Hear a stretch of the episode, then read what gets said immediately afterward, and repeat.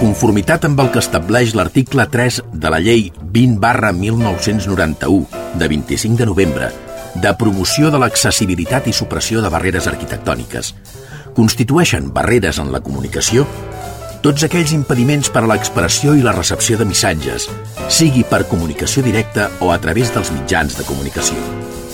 És per això que, emparant-nos en aquesta llei, volem que cada ciutadà gaudeixi del seu propi espai per moure's, un espai sense censura. Un espai en què vosaltres sigueu els protagonistes. En definitiva, un espai per tothom. Benvinguts a Espai Vital.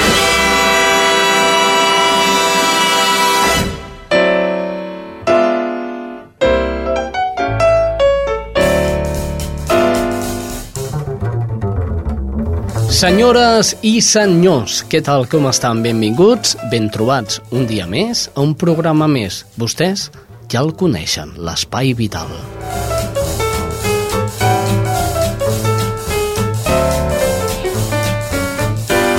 Avui estem disposadíssims a que vostès cuinin, però no que cuinin, i que mengin, que mengin bé.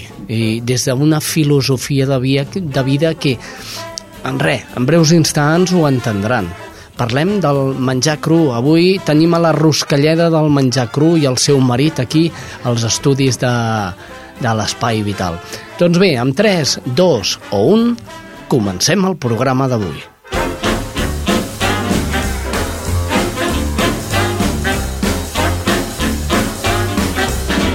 Espai Vital, el primer programa adaptat de les zones. I que s'emet també per Cerdanyola, per Ripollet, per Barberà, per Santa Perpètua i per Sabadell. Per a totes aquestes poblacions, salutacions cordials i benvinguts a l'Espai Vital. Molt bé, doncs el que li dèiem, avui parlàvem eh, la Christine Bertin, de l'associació La Dolça Revolució de les Plantes Medicinals, ens ha dit, convideu a la Mercè Passola, i el Carles Viladevall.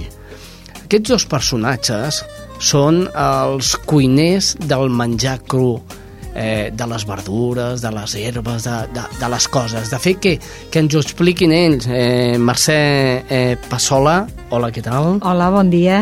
I Carles Viladevall, hola, què tal? Molt bon dia, hola. Benvinguts. Eh, és veritat que avui volem parlar del menjar cru, però té una filosofia, el per què eh, vosaltres mengeu cru, perquè mengeu cru, no? Sí, ja fa molts anys, fa molts anys. Ens va costar una mica saber el per què, però finalment eh, vas traient l'entrellat. Um, bàsicament és perquè el menjar en fresc, en cru, que no passi de 40 graus, ja s'entén que és cru. Tot el que mm-hmm. passa de 40 graus té la problemàtica de que es destrueixen els enzims i els enzims són el, diguem, els elements catalitzadors que inicien el procés digestiu.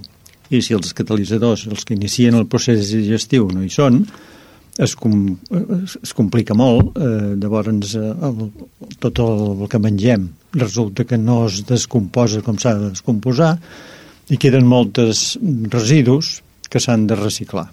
I aquí, aquí comencen els problemes. És a dir, el menjar quan entra a l'estómac es podreix, no? Bueno, mm, de fet, no s'hauria de, no de podrir. S'hauria de fer una transformació química mm -hmm. per desmuntar les molècules i deixar-les en trossets ben petits, per dir-ho d'una manera entenedora, sí. perquè el cos pugui recomposar a la molècula que li interessa a cada òrgan. Mm -hmm.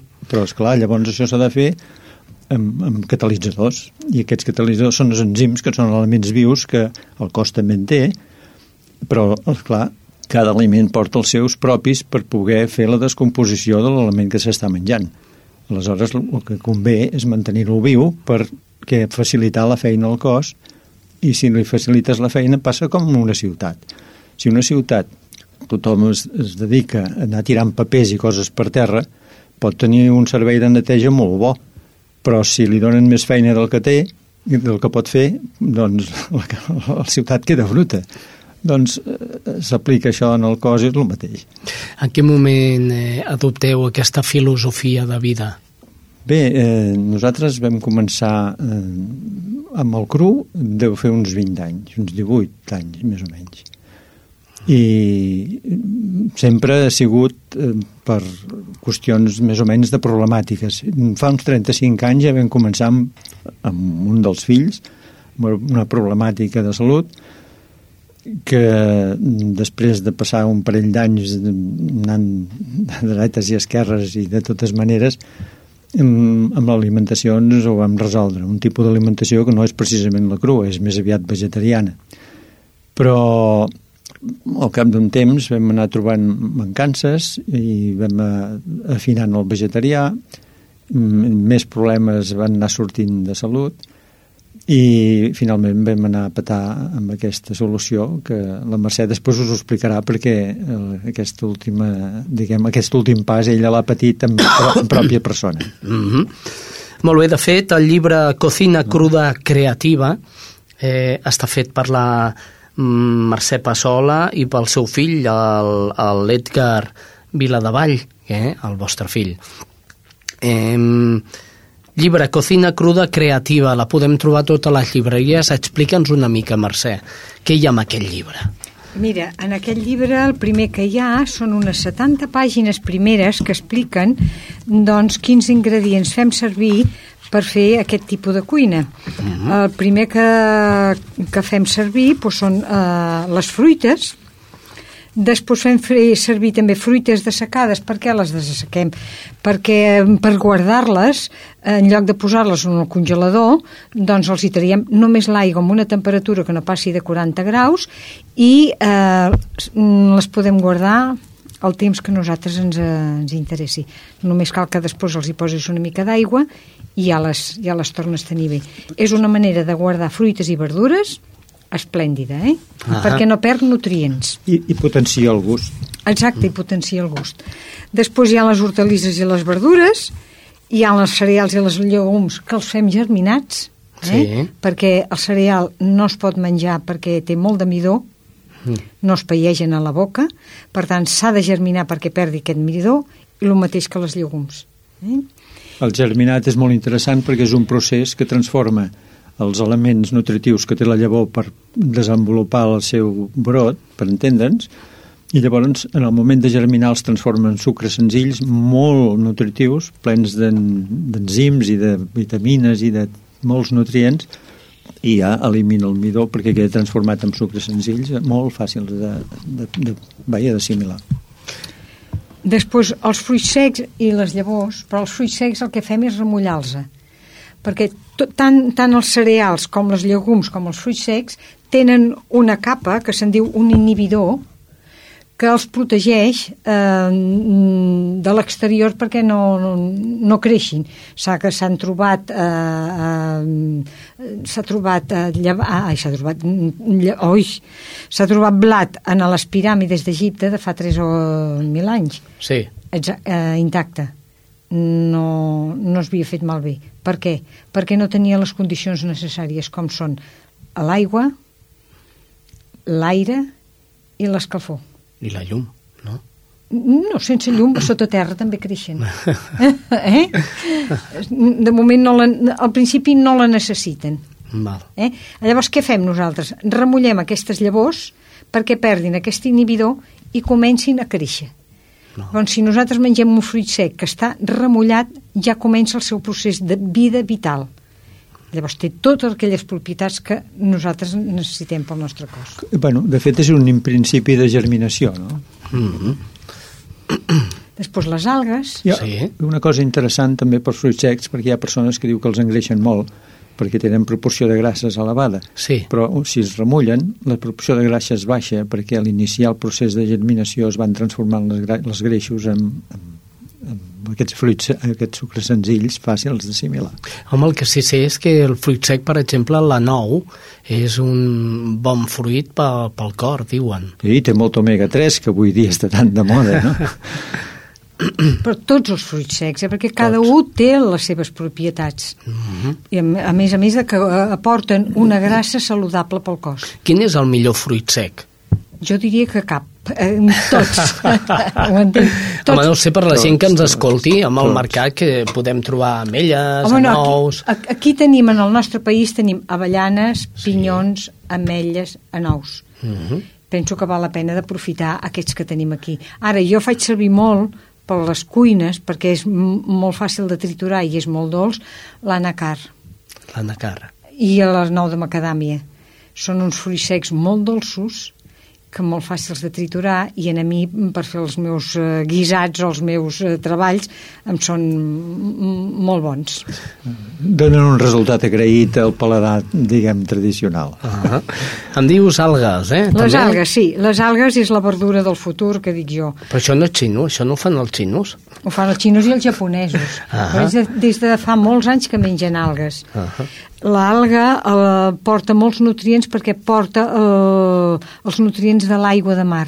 Mm. L'aigua de mar porta tots els eh, minerals de la taula periòdica. Per tant, és molt interessant també prendre aigua de mar.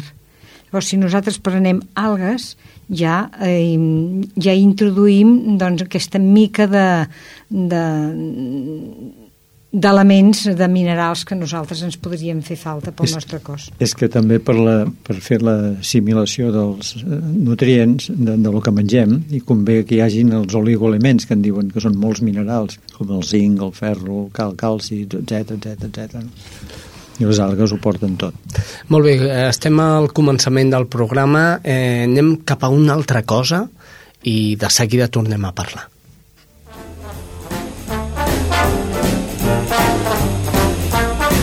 Això és Espai Vital.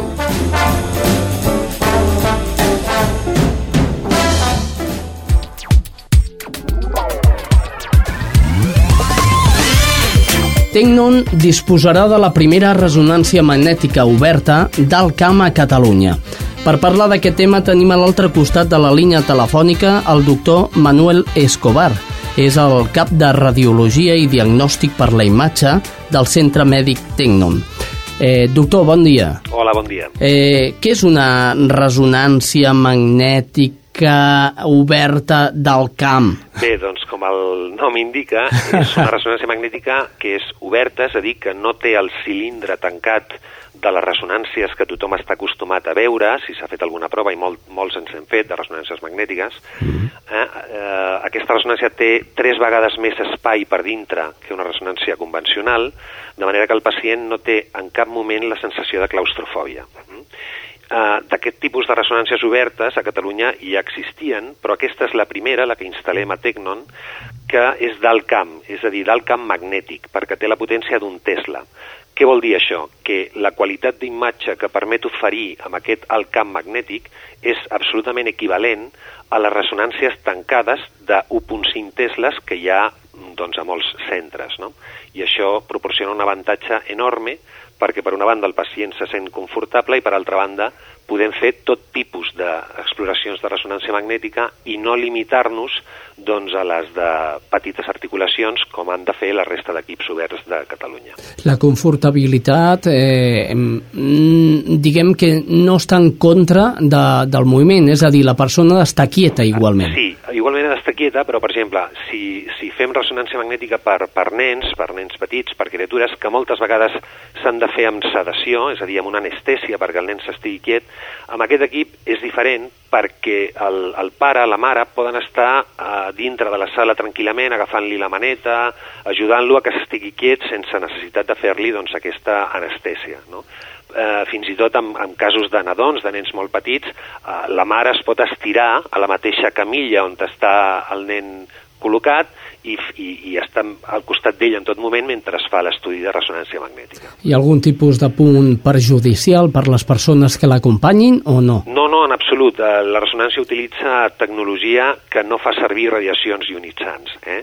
L'únic que no és aconsellable a gent que pugui portar doncs, un marcapassos cardíac, eh? però mm, per per la resta no hi ha cap, cap altra contraindicació en absolut. Com per exemple, eh, jo sé que ressonàncies magnètiques no les han pogut fer a persones que portaven plaques de, de ferro a, a, a la, una pròtesi... Sí, correcte, però això és amb gent que va estar operada amb plaques de, de ferro eh, fa molts anys. Actualment, eh, la cirurgia ortopèdica i traumatològica fa servir la majoria de vegades material de titani que és perfectament compatible amb els equips de ressonància magnètica. En aquest sentit, aquesta ressonància magnètica, eh, pel fet de ser d'un Tesla de potència de camp magnètic, és menys susceptible als artefactes de la imatge per plaques de ferro antigues que les de 1.5 tesles tancades. És a dir, que per el tema del camp de la traumatologia és una ressonància que dona millor qualitat d'imatge. Doctor, una ressonància magnètica, qui més no l'ha vist, eh, eh, la qualitat de la imatge eh, és millor amb aquesta màquina o Bé, no? doncs és molt millor qualitat d'imatge que qualsevol altre equip obert dels que ja existien a Catalunya, pel fet de ser del camp magnètic, eh? Uh, I a més a més, no solament la qualitat de la imatge és millor, sinó que permet fer estudis, com ara estudis de crani, estudis del cor, és a dir, ressonàncies magnètiques cardíaques, estudis del, del fetge, dels ronyons, de l'úter, de dels ovaris, que amb els equips oberts actuals, que hi havia fins ara, no es podien fer perquè no, eren, no tenien prou qualitat d'imatge. Doncs, doctor, mm, em sembla que ens ha aclarit totalment què significa això de la resonància eh, magnètica oberta del camp. Eh? Que nosaltres ja ens pensàvem, ja, ja pensàvem en les cabres, les ovelles, i això no pot ser. Molt bé, doncs, eh, doctor Manuel Escobar, cap de Radiologia i Imatge del Centre Mèdic Tecnon, li agraïm moltíssim la seva atenció eh, amb els micròfons d'Espai Vital i fins una altra. Fins una altra, gràcies a vosaltres. A vostè.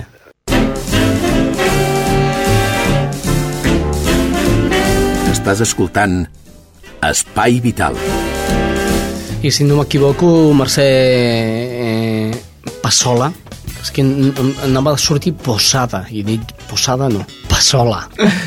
Mercè Passola, eh, ens havíem oblidat també altres elements importants en el menjar cru. Els bolets. Els bolets. Els, els rovellons. Mm, bueno, el, el rovelló és un dels únics bolets que cru queda com una serradura.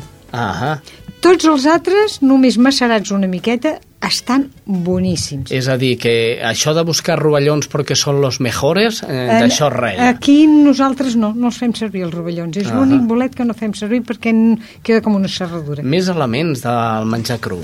Doncs fem servir les herbes aromàtiques i les flors i les espècies. Per què les herbes aromàtiques? Perquè si tu quan bulls o fas una infusió d'una herba aromàtica, diuen que treu els, els, els uh, olis essencials, però en canvi no t'interessa perquè ha passat de 40 graus, per tant aquells olis essencials ja no hi són com hi haurien de ser. Uh -huh. Per això, per això els, el que fem és posar-los en l'alimentació, amb, les, amb els plats perquè tu en gaudeixis de tots aquests uh, olis essencials. Després espècies espècies, però qui, quin país utilitza moltes espècies? Uh, Àsia... Àsia, bé, Àsia, el continent. El clar, continent sí. Àsia, però nosaltres, nosaltres aquí també en tenim, perquè tenim uh, la, bueno, no, que la, que la, la sal... A la Índia, la Índia, per exemple, també també hi ha una pila de parades amb espècies que la venen, allà la venen a granel. Sí, però aquí tenim pebres, tenim sals... Tenim de tot. Tenim de moltes tot. coses. Bueno, que fem servir canyella, tenim uh -huh. el, el curri que ens ha vingut d'allà també el fem servir, mm -hmm. el cardamomo, eh, no sé, bueno, i, moltes. I l'alfàbrega, i el romaní, i la bueno, farigola... Això no són espècies. Sí, ah, bueno, clar, són, no, bueno, són, són plantes, herbes, són sí. herbes, no? Són herbes, això són són herbes, herbes. però les utilitzem d'espècie, també. Exacte, Sí, també, sí, també sí, les sí, pots servir sí, d'espècie, sí. I després fem a servir altres ingredients que són els endolçants. Nosaltres no fem servir sucre, uh -huh. perquè el sucre és un element que doncs, eh, acidifica molt la sang, i per tant fem servir doncs, la mel, l'estèvia, l'estèvia, sí. que està molt... Eh, l'estèvia, que és, que, que és un tip com, com arròs, bueno, és una llegum, no? És una, No. planta, és una fulla, és una planta, és una fulla. És que jo sé que la venen, la venen amb, amb bosses d'un quilo, de... L'estèvia és una fulla Sí, pues, pues sé que la venen... La seca, amb... sí. Efectivament. seca. El que passa que nosaltres ni la mel ni l'estèvia no les fem servir massa, perquè quan, això es fa servir per postres, Ah, per plats dolços. Llavors, si jo poso la mel en un plat dolç, què em passa? Que la mel és molt forta i llavors no em deixa de gustar els ingredients que jo hi he posat. L'estèvia és de color verd, sí. és una fulla. Tampoc el puc posar perquè Perquè és de color verd. perquè és de color verd i em deixaria els meus plats dolços Els, més. els dàtils fa servir molt. Però faig servir molt els dàtils, però sí que, sí que els faig servir, eh? Sí Mhm. que la meva en tant en tant també la poso i l'estèvia Sí. la poso, però no és la normalitat. Després fem servir la sal, l'oli, el sal, el, el miso, el tamari, les olives, Sí. mm, les alcaparres, el cacao, la garrofa... Tot això ho podeu trobar explicat en el llibre eh, editat per Océano Ámbar. Eh? Exacte. Podeu trobar, és llibre Cocina cruda creativa, de Mercè Passola i Edgar Viladavall. Llavors ja, de, de fet, ja passem cap a les tècniques culinàries, perquè la gent diu, què et menges? Una amanida? Com tot cru, només, només menges amanides? No. Mengem Mira, abans de fer eh, un plat, perquè a mi sí que m'interessa, hem estat parlant molt, però ara toca l'hora de menjar, de, de realment saber, saber el que. Si us sembla bé, anem a fer una volta per aquí pel Vallès Occidental per conèixer les últimes novetats sanitàries eh, eh, d'aquell sector, de Ripollet, Cerdanyola, Barberà, Santa Perpètua i Ràdio Sabadell i el que és el poble de Sabadell. Anem a fer la volta. Comencem amb Cerdanyola. Allà es troba Rosa Morante i aquesta és la crònica. Hola, Rosa. Hola Xavi, avui des de Cerdanyola Ràdio us expliquem que la Universitat Autònoma de Barcelona ha presentat els seus auditoris infoaccessibles a representants de l'ONCE i també de Nacions Unides, tot coincidint amb la segona sessió de cicle de cinema accessible. També presenta el Pla per a la Igualtat de la Universitat Autònoma i les diferents actuacions que es duen a terme a la universitat per atendre els estudiants amb diversitat funcional. La infoaccessibilitat consisteix a trencar les barreres que imposen les discapacitats sensorials per a l'accés a les comunicacions. Des del 2009, la Universitat Autònoma col·labora amb l'ONCE i l'INSERSO per dotar les sales d'actes de les instal·lacions universitàries dels recursos tecnològics necessaris per cobrir totes les necessitats és a dir, sistemes de subtitulació i audiodescripció, etc. D'aquesta manera, totes les persones poden seguir les activitats independentment de les discapacitats sensorials. L'adaptació de la sala de cinema, per exemple, s'ha realitzat mitjançant l'Universal Accessibility System, l'UAS, un sistema de distribució de missatges, subtítols i audiodescripcions multilingüe i multiplataforma per a sales d'espectacles que faciliten l'accessibilitat tant a persones que pateixen alguna discapacitat visual o auditiva com a persones amb discapacitats cognitives o amb dificultats per entendre la llengua en la que es desenvolupa l'espectacle.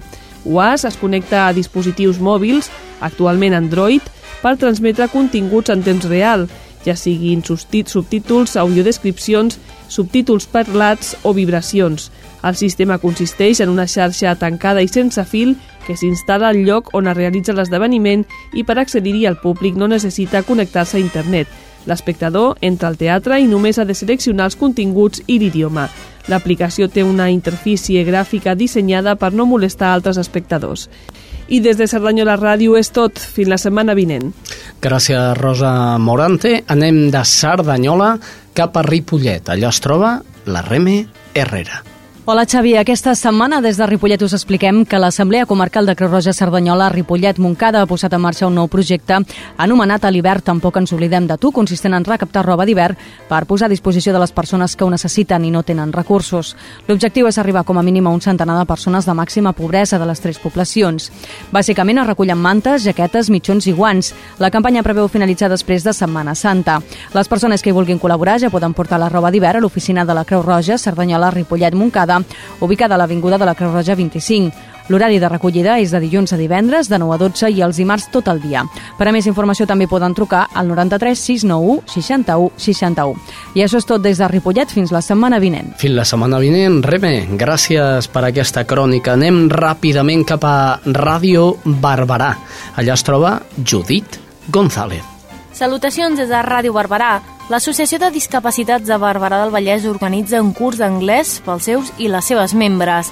L'entitat organitza aquesta i altres activitats amb l'objectiu de facilitar la integració social, la inserció laboral, així com la formació i l'oci dels socis. Les classes d'anglès es realitzaran els dilluns i dimecres de 8 a 9 del vespre en la seu de l'entitat des del proper 6 de febrer fins al 30 d'abril i seran presencials, amb possibilitat de consulta per videoconferència. Aquestes es porten a terme a través d'un conveni de col·laboració que l'entitat ha realitzat amb l'empresa Emcopass, Language and Training. L'entitat que realitza tot tipus de tallers i activitats de promoció i ajuda de persones amb minusvaleses de la ciutat ofereix de forma gratuïta un curs d'anglès a nivell inicial.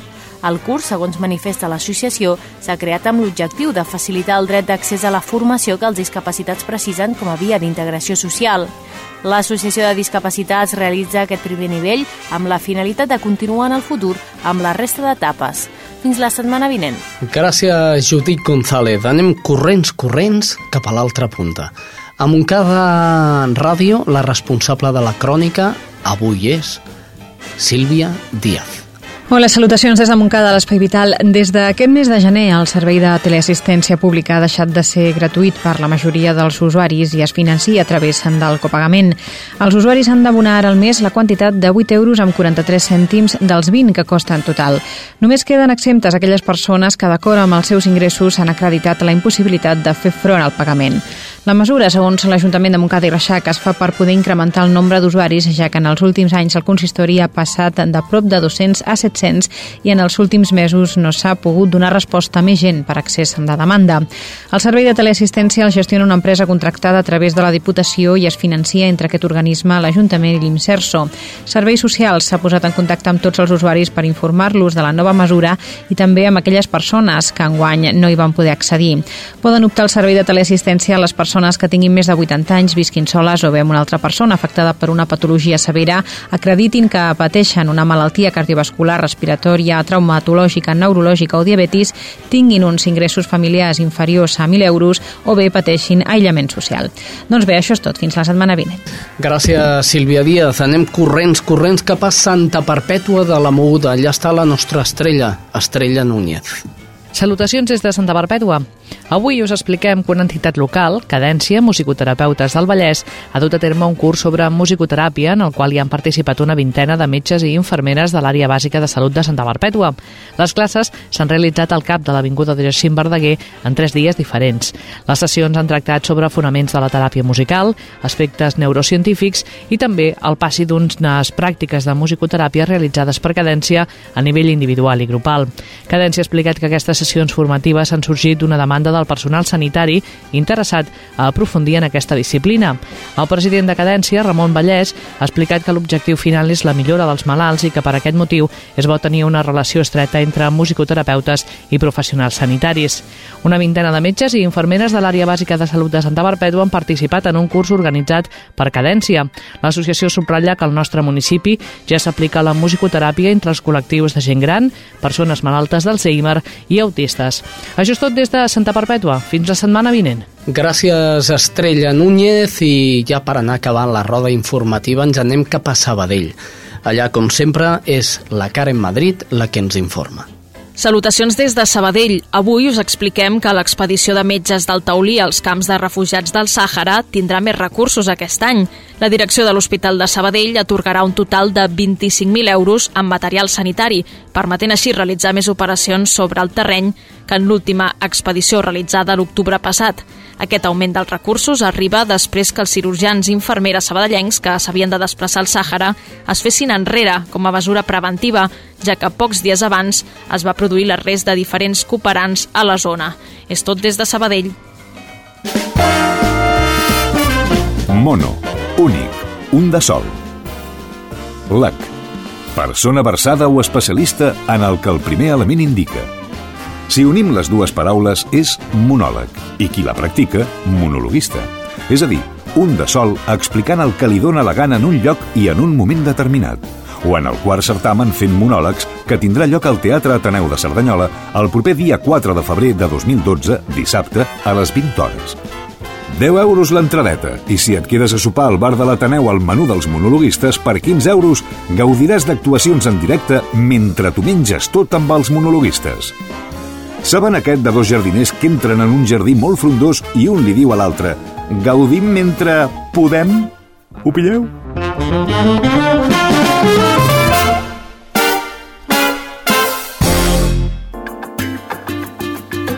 Doncs ja ho heu sentit, uh, fem monòlegs al quart certamen, fem monòlegs.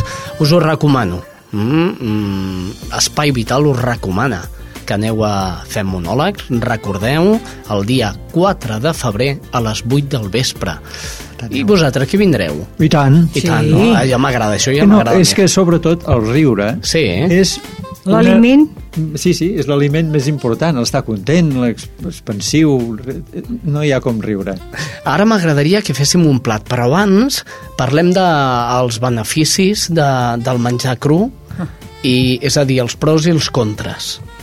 Bueno, el benefici d'un menjar cru és que és molt fàcil de pair, molt fàcil de digerir, el cos no, no fa cap esforç perquè li, port, li, li, li portes tots els enzims que ell necessita per, eh, per, fabric, per, mm, oh, Fer el procés. per fer el procés i eh, llavors no necessites cap gasto de cos físic. No, I a més a més estalvies energia, perquè no hi ha gas, ni sabons, ni allò, perquè no hi ha greixos que, que s'enganxin en lloc. I, I hi ha una cosa que ho, en fi, ho, ho demostra molt. Imagina't un avantatge important. Plantes una ametlla crua i plantes una ametlla cuita o torrada, ja m'explicareu quina és la que té vida i quina és la que surt, no? Home, si, si, si té vida l'amella cuita, jo agafo i foto el camp d'aquest estudi, eh? molt bé, doncs aclarit, anem a per platja. Jo ja tinc gana. Eh, Estem parlant molt de menjar cru i, i hem de donar algun plat, alguna recepta, que la gent que ens escolti en aquests moments puguin arribar a fer una recepta, que sàpiguin el que és menjar de Molt- veritat i ben elaborat. Molt bé. Una de les tècniques que fem servir eh, en el menjar cru és el, el triturar. Per què triturem? Perquè les persones no estan acostumades a menjar molta fibra i llavors a l'hora de menjar eh, pot ser que diguin ai, és que a mi no m'ha sentat bé, és que no ho paeixo bé. Una de les maneres és que hi tinguin tots els nutrients, els arribin directament a la sang, és triturar aquest menjar que és com un liquat. No liquem perquè al, li- al liquar-lo et deixes la fibra cap en un cantó i et menges el suc. No, triturem, eh? Un- un batut. Triturem. Un batut. Un batut. Doncs podríem fer un batut de crema o una crema de peres i fonoll. És una recepta que ara hi ha peres i hi ha fonoll. Fem, agafem un quilo de peres, sobretot que siguin dolcetes si tu t'agrada la sopa dolceta. Sí. Hi ha una, una pera que se'n diu flor d'hivern, que és molt dolça. Agafem un, un bulbo de, hinojo, de, de fonoll Sí, i unes quantes nous del Brasil, aigua, sal i oli. Remullem les nous, eh, triturem les nous amb l'aigua per obtenir una llet, llavors triem les fulles verdes del, del, Del fonoll. del fonoll, aquelles que són tan altes que són, que són una mica massa fortes, i deixem només L'arrel. el- el bulbo. El bulbo, exacte. I eh, pelem les peres i això ho posem dintre d'una batidora junt amb l'aigua, l'oli i la sal. Ho triturem i ja podem servir el plat. En l'hivern pots dir, oi, això deu ser molt fred.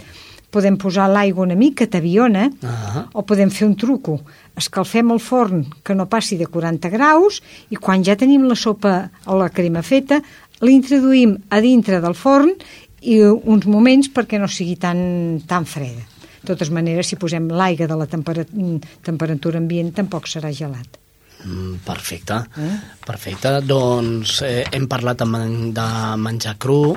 Eh, us hem de dir que, que és dos personatges que tenim avui a l'estudi no, no són els germans de la, la Ruscalleda, sinó que són veritablement un, una parella eh, que, que mengen cru i que estan dintre de l'associació la dolça revolució de les plantes medicinals.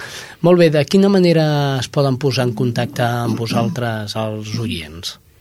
Tenim una web, Sí. eh, la, la web, que és um, mercepassola.com. Sí, Allà hi trobaran informació per poder connectar amb nosaltres. De totes maneres, el llibre es pot trobar a les llibreries sí.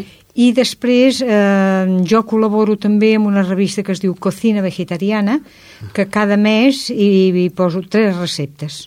Mm -hmm. I a través de la web li podeu enviar missatges a Mercè Passolà. Exacte. Passola o Passolà? No, pas sola. Passola, veu? Dues esses. Dues dues esses.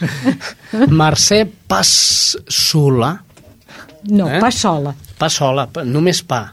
Pa. Sol, sols pa. Sols pa. Doncs pues no és el que menjo, eh? Molt bé, doncs... Eh, Mercè Passola, mm, Edgar... No, Carles, Carles Viladevall. Gràcies a tots dos eh, per haver vingut al programa a l'Espai Vital. A vosaltres. Us moltíssim, de veritat, i que ens hagueu ensenyat a menjar una mica més i millor el menjar cru. I per divertir-vos.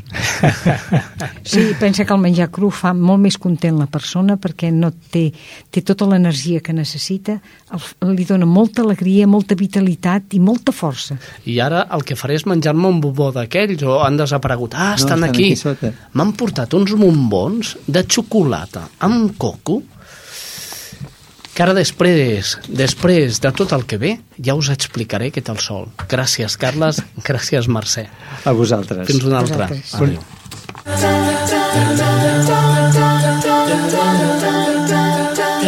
I tu? Des d'on ens escoltes?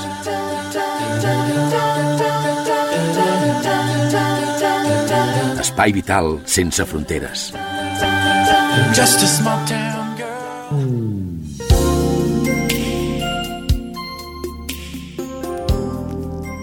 Doncs arriba el moment d'alta sensibilitat, una vida rota por el ictus. Una noia amb 24 anys que mm, va agafar ictus i aquí ens explica tota la història d'aquesta noia. Es diu Isabel Palomeque i aquesta és la seva història. A continuación, les ofrecemos Alta Sensibilidad, un libro sobre el ictus. Alta Sensibilidad, un libro de Isabel Palomeque, escrito en primera persona y llevado a la radio de la voz de María López. Una producción de Spy Vital.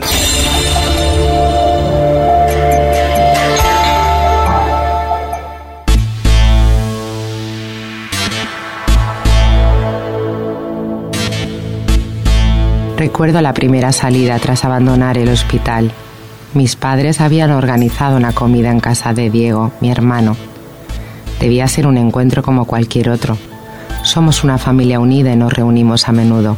Pasamos juntos las vacaciones y aprovechamos cualquier oportunidad para disfrutar de la compañía de unos y otros.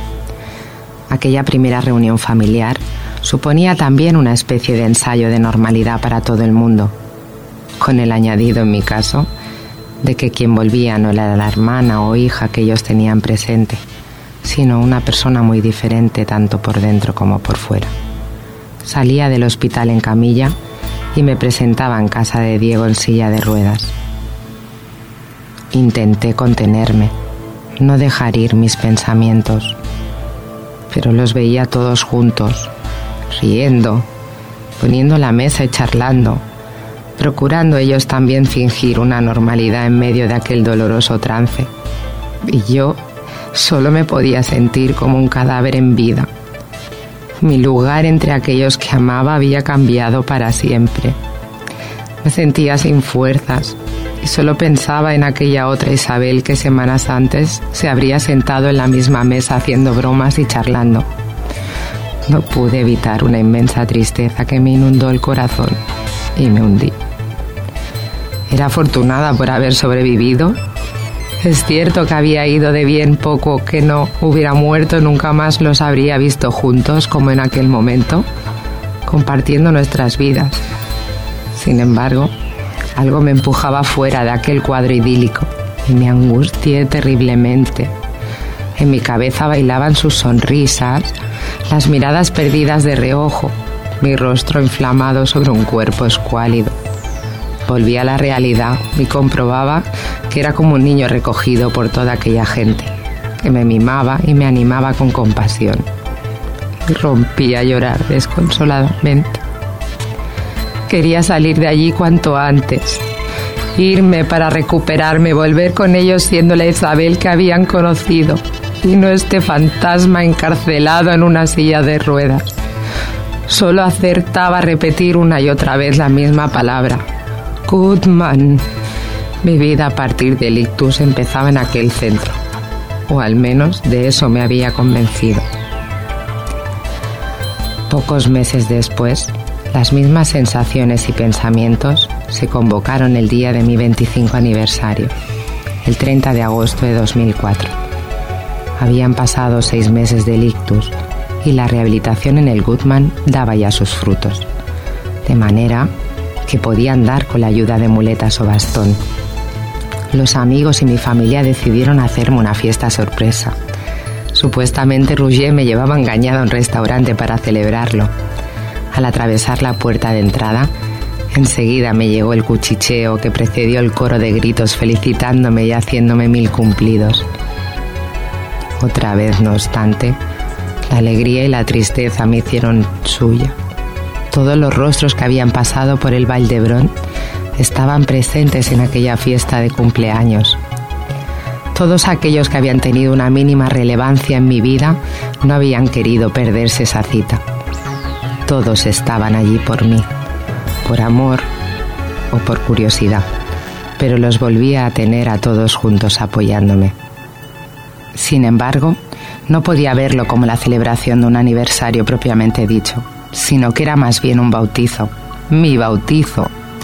Había muerto, resucitado y volví a la vida de todas aquellas personas que me reconocían pese a mi nuevo aspecto y mis deficiencias.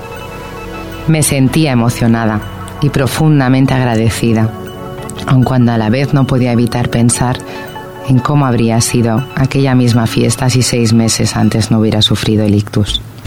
Sin ninguna duda, aquella Isabel del pasado bailaría, charlaría con todos ellos y sería una más entre otros, una igual.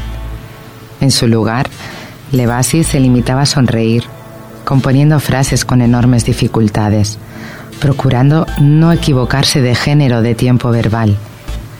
Intentaba responder al millar de preguntas y comentarios que me hacían, pero las malditas lagunas me negaban el acceso a la palabra justa y me hacían expresarme a menudo mediante complicadas perífrasis o circunloquios. Por su parte, mis pobres interlocutores pescaban con paciencia las palabras y unían las piezas del puzzle que yo probaba transmitir. Obviamente no podía bailar, pero me movía y andaba con cierta agilidad gracias a la ayuda de una férula especial que había sustituido la bota ortopédica.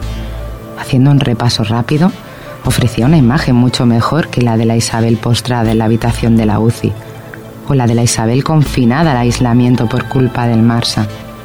En seis meses les saludaba de pie, reía con ellos y seguía, más con la mirada que con la palabra, sus conversaciones. ¿Convencería a todo el mundo de que me estaba recuperando con éxito? Me convencía a mí misma. Había progresado muchísimo, aunque mi balance personal en aquellos instantes fuera el de estancamiento. Frente al pastel, con las 25 velas, formulé un deseo.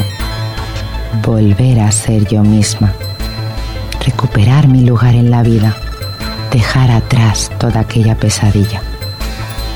Con el paso del tiempo, he aprendido que los deseos pueden transformarse y cumplirse de maneras inesperadas. Y hasta aquí, Alta Sensibilidad, un libro sobre el ictus.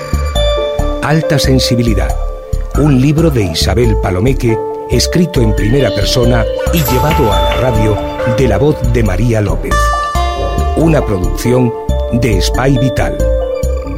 Alta Sensibilidad, un libro de plataforma editorial.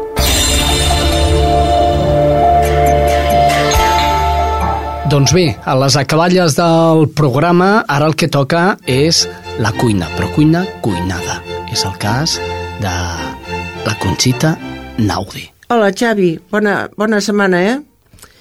Avui, eh, què farem? Encoratjarem a la gent aviam si es poden dedicar a fer el seu propi pa. Eh? Avui us porto una recepta de panets de Santa Clara. Recepta de les monges clarisses del monestir de Santa Clara, de Nàpols. Eh? Molt important.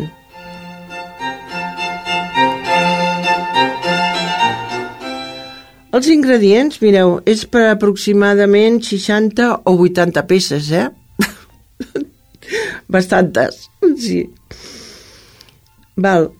Per cada quilo de farina es necessita 10 grams de sal, 15 grams de llevadura de cervesa, 100 grams de mantega, llet tíbia, la quantitat necessària per fer una massa bastant forta, eh?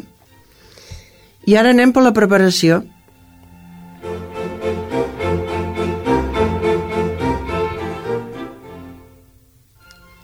Mireu, la preparació és una mica elaborada, eh?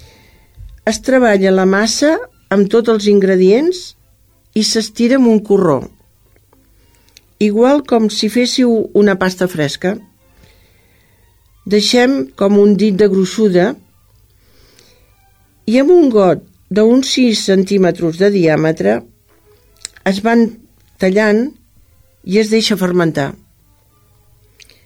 Al cap de mitja hora s'hi fa un tall sobre cada panet en forma de creu. Això amb un ganivet ben afilat.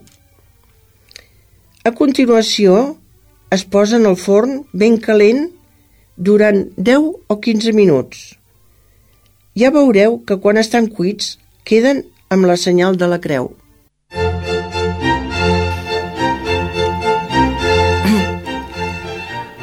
Mireu, aquests boníssims panets del Real Monasteri de Santa Clara són esperats amb molta il·lusió per tots els fidels cada 11 d'agost, que és el sant de Santa Clara.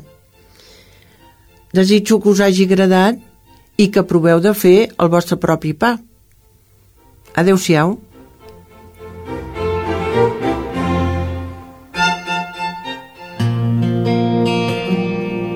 Doncs molt bé, aquests compassos de Maya Montero i Tiziano Ferro ens fan arribar al final del programa d'avui. La setmana vinent hi tornem. Jordi Puig al control tècnic i un servidor, el Xavi Casas. No em faltin. Adeu-siau. Algo raro. Eh, no un regalo común. De los que perdiste o nunca abriste, que olvidaste en un tren o no aceptaste. Eh,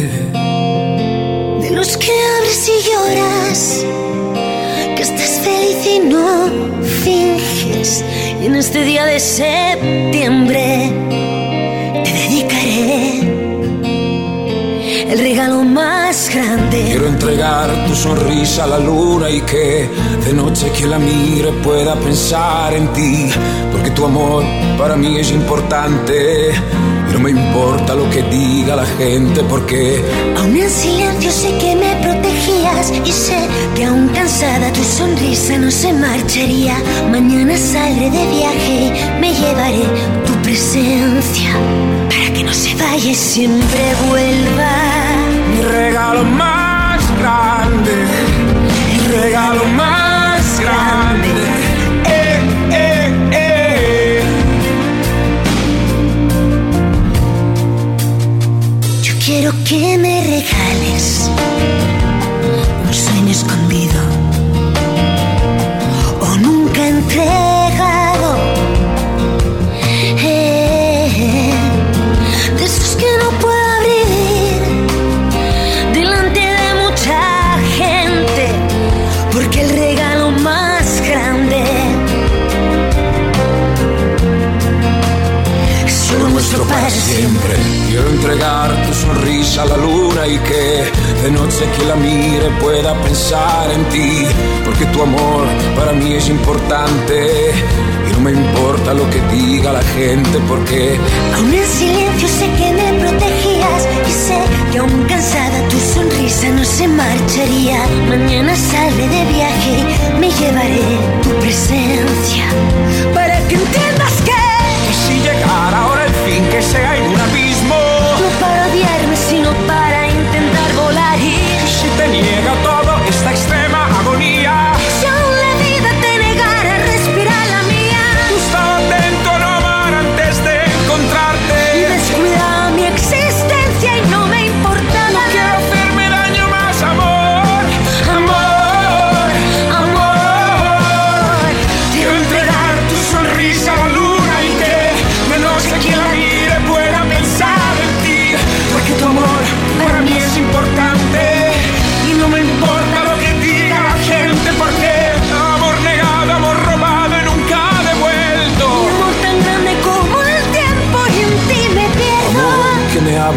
tus ojos aquí enfrente. Eres tú, eres tú, eres tú, eres tú, eres tú, eres tú. El regalo más grande.